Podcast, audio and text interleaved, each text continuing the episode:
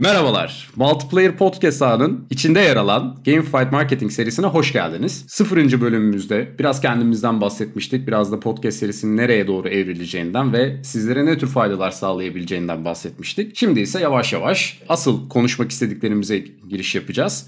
Bugünkü konumuz User Experience ve Gamification. Yani kullanıcı deneyimi ve oyunlaştırma. Bugün bu konuyu da 3 kişi konuşuyor olacağız. Ben, Onur yani Cihat ve Mümtaz olarak. Ben hızlıca sözü aslında Mümtaz'a vermek istiyorum. UX'tedir. Biraz bize bahsedebilir misiniz? Kullanıcı deneyimini birazcık bize aktarabilir misiniz? Dinleyicilerimizin zihinlerine daha yer etmesi açısından kullanıcı deneyimi aslında insanın makinayla konuşmasının yolu diyebiliriz ya da insanın makinayla konuşmasının bir dili diyebiliriz. Burada makinalaşmamız işte sanayi devriminden sonra başladı. Sonra elektrik, ondan sonra elektronik, şimdi bilgisayar çağıyla artık daha karmaşık, daha çok fonksiyonlu makineler üretti insan ama günün sonunda gene insanın bu makineyle bir şekilde iletişime geçmesi gerekiyor. Kullanıcı deneyimi diyeceğimiz şey makineyle insanın doğru alanda doğru çıktı verebilmesi ve anlamlı çıktı verebilmesi için etkileşimi diyebiliriz. Teşekkürler. Ben de biraz kapsam genişletiyor olayım. Kullanıcı Tabii deneyiminde yani. çünkü benim açımdan baktığın zaman Şunların hepsi dahil. Paketleme mesela o bahsettiğim makineyle münasebet daha kurulmaya başlanmadan bile yazılımsal seviyede mesela eğer mevzu bir mekanizması bir ürünse ondan bahsediyorsak onun paketlemesinden eline ulaşmasına komple o münasebetin hepsine holistik bir şekilde bakıp tasarladığım durum o kullanıcı deneyimi tasarımı bence. Mesela Apple bunlarda çok net ilk fark edip en önde gelenler Steve Jobs'ın kendi takıntısından dolayı da çıkıyor biraz ama mesela onların kutuları zamanında uzayken Şimdi artık bayağı bir marka o kadar usturuplu kutu yapmaya başlıyor. Dolayısıyla ben sen şeyde sıfırıncı bölümde yaşla alakalı genişletmiştim. Ben de burada kapsam genişleteyim. I see you Mümtaz and I raise you one. Cihat, o, o, e, Cihat o konuda e, ya, kapsamına katılıyorum. Orayı biraz daha ben deşmek istiyorum. Yani hep bilinen bu işte tasarım denilince akla Apple, Steve Jobs örneği verilir. Yani sanki işte tasarımı ilk bulan adam ya da bir ürüne tasarımı fonksiyonel olarak ilk yediren adammış gibi böyle bir bilgi vardır tüm insanların kafasında. Ama işin aslı böyle değil. Yani biraz bu işi kurcaladığınızda şöyle bir şeyle karşılaşıyorsunuz. Özellikle bu sanayi devriminden sonra biliyorsunuz makineleşme ile birlikte makinelerin kullanım kılavuzların ve işte göstergeleri üzerine işte bir sürü kafa yorulmaya başlanıyor. Almanya'da bu dönemde Bauhaus Okulu diye bir okul açılıyor. Bu bir mimarlık okulu ama tasarımın yani mimarlık kavramı olarak tasarımın sanayiye uyarlanması aslında buradaki amaç bu. Ve bu okul ciddi tasarım argümanları oluşturuyor ve bu, bu tasarımları sanayiye uyarlanıyor. Mesela bildiğimiz bir sürü markaya hizmet veriyor da bildiğimiz markalardan Brown bu okulun tasarım ilkelerini uyarlayan markalardan bir tanesi. Şimdi Brown'un bazı ürünlerine baktığımızda ve Apple'ın ilk ürünüyle karşılaştırdığımızda ciddi bir benzerlik görüyoruz. Ve zaten bunu Steve Jobs ya da Apple'ın tasarım ekibi de reddetmiyor. Tasarım fikri, tasarım kavramının Apple'ın ürünlerine konumlandırılması ile ilgili baş tasarımcı diyor ki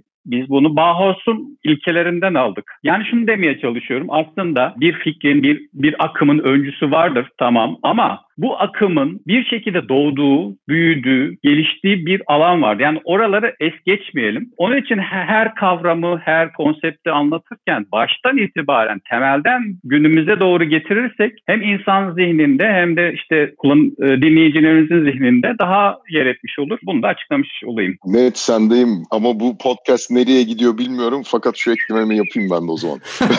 gidelim gidelim. Bauhaus okul ve ekol lafı Türkçe'de nereden geliyor, nasıl geliyor ve ne fark barındırıyor içinde tartışmaya katmadan okul değil de ekol diye genişleteyim ve Bauhaus ekolüne saygı duymak mümkün değil. Evde zaten tasarımı bile duruyor. Onların 1920'ler zamanı Almanya'sı çok enteresan yer. Frankfurt ekolde, Bauhaus ekolde ve oradaki evet. tasarım dili yakalanan şey başka bir düzey. Zaten sonra Naziler geldi, yakıldı, yıkıldı ve Almanya başka bir şeye dönüşüyor oldu ama bunların hepsini tarihten getirip bugüne taşıyor olmak 15'lik seride bunu efektif şekilde yapabileceksek maşallah bize yani. yani.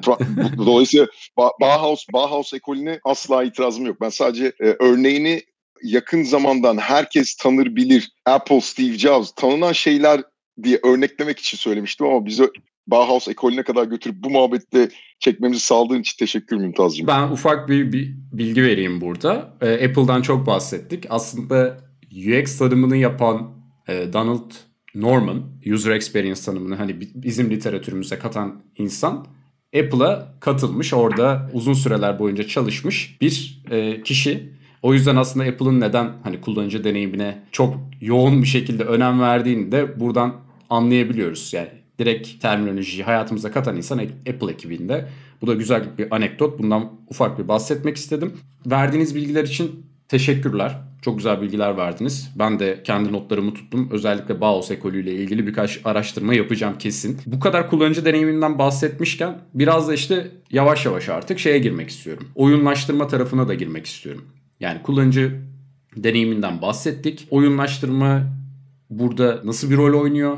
Nasıl bir etken? Onlardan bahsedebileceğiniz şekilde bir size söz vermek istiyorum ama burada sadece ufak bir giriş olsun diye bunu en iyi uygulayan insanlardan birinin ismini zikretip ondan sonra size söz veriyor olacağım. Walt Disney. Walt Disney'i söyledikten sonra Cihat girmek istiyorsan lütfen e, senden bilgileri alalım. Gamification'ın user experience'a katılması ve bunun insanlardaki karşılığı bir derya. Gelecekte de şimdi verebileceğimiz türlü türlü örneğin çok daha entegre, çok daha komplike olacağını hayal ediyor olabiliriz. Komplike derken de şöyle anlaşılmasın. Son kullanıcı açısından kafa karıştırıcı mahiyetinde değil. Arkadaki yapının, son kullanıcı görmez ama arkadaki yapının ne kadar çok farklı şeye değindiği, ne kadar çok data aldığı, ne kadar çok şeye sebebiyet verdiği, kaç opsiyonu barındırdığı mahiyetinde komplike diyorum. Şimdi türlü türlü örneklerini sen de işte 2010'lardan da verdin. Ama mesela insanları normalde o kadar ilgi alaka duymayacağı şeylere hemen aklıma bu Nike'ın yaptığı geliyor mesela. Kendisini koşu bandında insanlarda tarayıp 8 bit olarak yansıtıp oyunun içinde koşan Mario karakteri sanki kendiymişçesine his yaratan acayip entegre operasyonlar da var ve istedikleri sonuçlara ister istemez ulaşıyorlar. Yani markalar bu tür bir şeye girişiyor olduğu zaman oyunlaştırma ve user experience'ın pasif değil aktif, eğlenceli olduğu durumda bir de özellikle şunu sağlayabiliyorsan mesela geçmişte biz de bir Gamescom'da yaşamıştık. Bu Matrix'teki 180 derecelik şey var ya, sahne var ya hani tam tekme atmadan önce diye dönüyor. ilk kez 99'da yapılıyor evet, falan. Evet.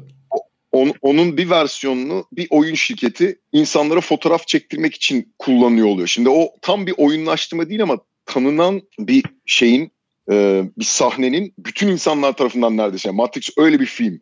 Popüler kültürde net o hareketi gördüğü zaman herhalde dünyada 100 kişiye sorsan en azından 25-30'u Matrix'le bağlar. O kadar geniş kapsamlı popüler etkisi olduğu için önünde sıra var. Başka yerde mesela yine fotoğraf çekiliyor oluyor. Bak bu arada bahsettiğim şey oyun yani zaten gamification diyoruz. Tanıtımı yapılan şey oyun ve milletin ilgi alaka göstermesi bile orada çekilecek fotoğrafla o, o deneyimde o fotoğrafın çekilmesi bile oyunlaştırıldığında yani bir geri sayım var. 1 2 3 3'te zıplaman gerekiyor veya bir hareket yapman gerekiyor. Çünkü o hareketi yapmazsan o 180 derecelik dönüş tabii 180 derece yapmamışlar onlar. Çok daha dar bir açı 60 derece falan ama normalde senin evde veya elindeki telefonla sosyal medyaya çekip de yayınlayabileceğin bir şey değil o. Oyunun reklamını yaparken önündeki fotoğrafını çekirken çekerken bile o deneyim tasarımında oyunlaştırmanın fark yarattığını önündeki sıradan bile görebiliyorsun yani. Ee, peki Cihat çok güzel aktardın. Verdiğin bilgiler için teşekkürler. Ee, sana ikinci bir sorum olacak. Gamification'ın UX tasarımında ne tür bir rol oynadığını ve kullanıcı deneyimini nasıl şekillendirdiğini bize açıklamak ister misin? Yani açıklamak ister misin? Tabii iddialı ama biraz biraz dalabiliriz. Bir şey bir şeyler diyebilirim. Şimdi oyunlaştırmanın kullanıcı deneyimine bir kere kesin kez eğlence katması gerekiyor. En en önemli unsurlardan biri o. Ve daha önce de bahsettim. Sürekli altını çiziyorum. Pasif aktif durumu. Şimdi kullanıcı deneyiminde pasif receive ettiğin deneyim de sana memnuniyet verebilir. Ama aktif içinde yer aldığın neredeyse her zaman daha olumlu sonuç verecektir. Çünkü insan bir şeyi öğrenirken de kendini bir şeye uygularken de pasif yerine aktif olduğunda daha net sonuç alıyor. Kendisi de daha net sonuç alıyor. Dolayısıyla herhangi bir tasarım kampanya da daha net sonuç alıyor olur. Şimdi oyunla gelen başka ne var? Yapışkanlık var. İşin içinde tabii eğlence ve pasif aktiflik de var o durumun içerisinde ama o yapışkanlık da bence benim kendime de böyle işliyor. Oyunların belli bir kural seti oluyor da evrenin gerçek hayatın sonsuzluğundan daha sade bir yere doğru geçişinde ortalama insanda bende de böyle yapıyor. Bir odaklanma sağlıyor. Bir kafayı mümkün olduğu kadar türlü türlü imkanlar, imkansızlıklardan ziyade işte mesela futbol 10 kural. Ya belli işte giriyorsun 11-11 karşılıklı şu 10 kural dahilinde bu topu bu kaleden içeri sok. Hayat sadeleşiyor, basitleşiyor. Dolayısıyla oyunlaştırdığın zaman bir şey becerebiliyorsan sadeleştiriyorsun. Anlaması da kolay oluyor. Pasif aktifte ondan reaksiyon alması da oyunlaştırdığın için kural seti de daraldığı için onların tasarım da hepsi de daha kolaylaşıp sonuç alması daha muhtemel bir şeye dönüşüyor. Dolayısıyla tabii ki kullanıcı deneyiminde oyunlaştırmayı becerebilmek doğal olarak beraberinde başarı getirir. Sen şeyi söyleyince e, sadelik ve yapışkanlığı söyleyince tabii ki de eğlence en büyük unsur. Aklıma bir tane video geldi ondan bahsetmek istiyorum. Hiperaktif bir çocuğu bir odaya koyuyorlar, kapatıyorlar. Önüne bir tane eğitim serisi filmi koyuyorlar. Bir de işte oyunlarla ilgili bir seri koyuyorlar. Ee, onu izletiyorlar ikisini de. Çocuk hiperaktif olduğu için eğitimi izlerken her her türlü hareketi yapıyor. Kafasını arkaya eğiyor, sandalyenin altına giriyor. Oyun videosu çıktığında ya da eğlenceli bir video çıktığı zaman kımıldamıyor. Yani o hakikaten yapışkanlık dendiğinde ya da eğlenceli olma unsuru dendiğinde aklıma direkt bu video geldi. Bunu paylaşmak istedim. E sen onu paylaşmışken ben de bir şey daha paylaşayım. Yani insan eğitiminde böyle bir kafa var. Herkesi cookie cutter deniyor ya öyle bir şeye koymak istiyor. Lak lak lak herkes aynı değil. Mesela geçmişte şöyle bir hikaye var. Bir tane çocuk var hiç dersleri dinleyemiyor. Adam gibi konsantre olamıyor. Velisi gidiyor konuşmaya hocayla. Hoca hoca usturuplu işbirliği bir insan evladı olduğu için bu çocuğu dansa verin. Bunda başka bir şeye odaklanamıyor. İnsanın sevdiği işi yapma gereğinin de biraz altı çizilmiş oluyor böylece. O çocuk başka türlü matematikle alakalı bir yola zorlansa belki yani zamanına göre ve kültürüne göre tekme tokat dövülecek ama aslında dünya çapında bir dansçının deneyiminden anlatılmış bir hikaye bu. Dolayısıyla da artık bu devirden sonra ya yıl olmuş 2023 insanların hepsini böyle ortak bir şey. Herkes kare. O zaman bu kareyi buradan ittirelim. Yok be üçgeni de var. Her türlüsü var yani. Sen o videoyu anlatınca ben de böyle bir şey anlatmak istedim. Belki de ançüez yani. Bilmem ama, ama girelim yani. Eyvallah. Teşekkürler Cihat. Verdiğin bilgiler için. Burada bahsettiğin zaman tarafıyla alakalı bir soru aklıma geldi. Onu Mümtaz'a yöneltmek istiyorum. Mümtaz bu özellikle uygulamaların içerisinde ya da bir web sitesine girdiğimizde karşılaştığımız bazı şeyler oluyor. Elementler oluyor ve bu elementlerde zaman sınırı yani time limited bir şekilde kullanıcılara sunuluyor. Bu aslında bir çeşit gamification da metodu ve kullanıcı deneyimine de direkt bir etkisi var. Bunlar peki yani bunları kullanmalarının ürün üreticilerinin ya da uygulama üreticilerinin bu tarz şeyleri kullanmalarının bir sebebi var mı? Kullanıcı etkileşimini arttırıyor mu? Bunlarla ilgili fikrini merak ediyorum. Tabii ki.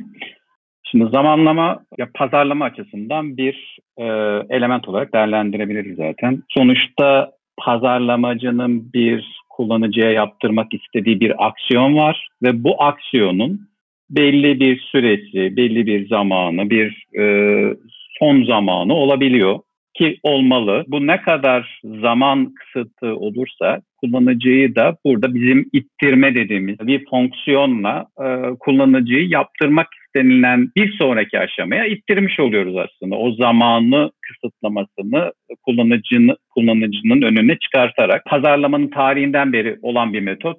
İşte ama bunu işte web sitelerinde ve uygulamalarda teknolojinin de kullanılmasıyla daha da bir kural setleriyle pazarlamacılar kullanmaya başladı. En güzel örnekleri bu kupon ya da belli bir üründeki indirimin son zaman olduğunu kullanıcının ekranında göstermek ya da işte kullanıcı bir aksiyonu yaparken onun önüne getirmek. Burada aslında eğer e-ticaret perspektifinden bakarsak kullanıcıyı o zaman içinde hemen sepete at ve ürünü satın ala yönlendirmek. Ama eğer servisse ya da bir amaç lead toplamaksa kullanıcıyı bu lead e, yolculuğunda e, bir an önce lead'i yapmasını sağlayacak bir ödülle beslemek, bir kuponla, indirimle besleyerek o Huni'nin bir an önce e, yolculuğun bir, bir an önce bitmesini sağlamak. Yani aceleye getiriyoruz aslında. Evet zaten kullanıcılar hep acele içinde. Yani insanlar hep ha. acele içinde bir işi yaparken kimse düşünerek bir şey yapmıyor. Bu dünyanın içinde pazarlama uzmanları da ya da işte pazarlamaya kafa yoranlar da acelecilik psikolojisini kullanarak bir an önce ürününü satmak, ürününü duyurmak için bunu bir eleman olarak kullanıyor. İkinize şimdi zaman kısıtından geliyoruz ya çok Hı-hı. net senin anlattıklarından Mümtaz aklıma şöyle bir örnek geliyor. Yemek sepetindeki joker indirimi. Tabii enflasyon papaz olup da o indirimi manasız hale getirdikten sonra değil. Öncesinde ya ben neredeyse çıkıyorsa ve az buçuk beğendiğim bir şey varsa neredeyse kesin kes kullanıyordum. Ve onun bir zaman limiti var ya 15 dakika veriyor. Evet. O 15 dakika ile alakalı da ya 15 dakika içinde seçimini yaptırıyor ve aldırıyordu mesela bana. Size o Joker indirimi mevzusu bu zaman kısıtı mahiyetinde çalışıyor muydu? enflasyondan önce veya hala çalışıyor mu? Ben orada yorum yapabilirim. Genel olarak hep Joker indirimlerinde kötü restoranların ben pazarlandığını düşünmüşümdür. Hep de kötü restoranlar geliyordu açıkçası. O yüzden çok almıyordum. O gün canım ne istiyorsa o restoranı bulabiliyorsam yani spesifik olarak bir pizzacım var ve o pizzacı düşüyorsa tabii ki de alırım ama dediğim gibi puanları düşük olan restoranları koyduklarını gördüm belli bir yerden sonra. O bende çalışmamaya başladı. Çok da fazla kullanmadım mesela. Ama ilk başlarda yeni restoranları ve güzel restoranları koydukları dönemlerde ilk başlarda öyleydi çünkü. O zaman kesin yani yaklaşık her girdiğimde onu kullanıp bir de üzerine hani şöyle trikler de vardı işte 150 TL'ye 50 TL bir, bir barem daha geçiyorsun. 250 TL'ye 100 TL. 250 TL'lik bir ürün alıyordum. Yiyemiyordum atılıyordu. Çöpe, çöpe gidiyordu ama onu... Ama indirimimi alıyordum. Alıyordum aynen öyle. Onun tatmini başka bir şey oluyordu yani. O yüzden kesinlikle hani bende de işledi o. Fakat sonrasında bence biraz ürün yönetimi bu. Kötü restoranlar çıktığı için de belli bir yerden sonra koptum gittim yani o tarafta. Evet. Gamefight Marketing serisi dinleyicileri bugün kullanıcı deneyiminden başladık oyunlaştırmanın ne olduğunu ve nasıl kullanıcı deneyimini şekillendirebileceğini inceledik. Ayrıca zaman limitli pazarlama teklifleri ve promosyonları da tartıştık. Bir sonraki bölümde ise Metaverse ve oyun içi pazarlama konularının derinlemesine inceleyeceğiz. Sonraki bölümde görüşmek üzere. Sevgiler.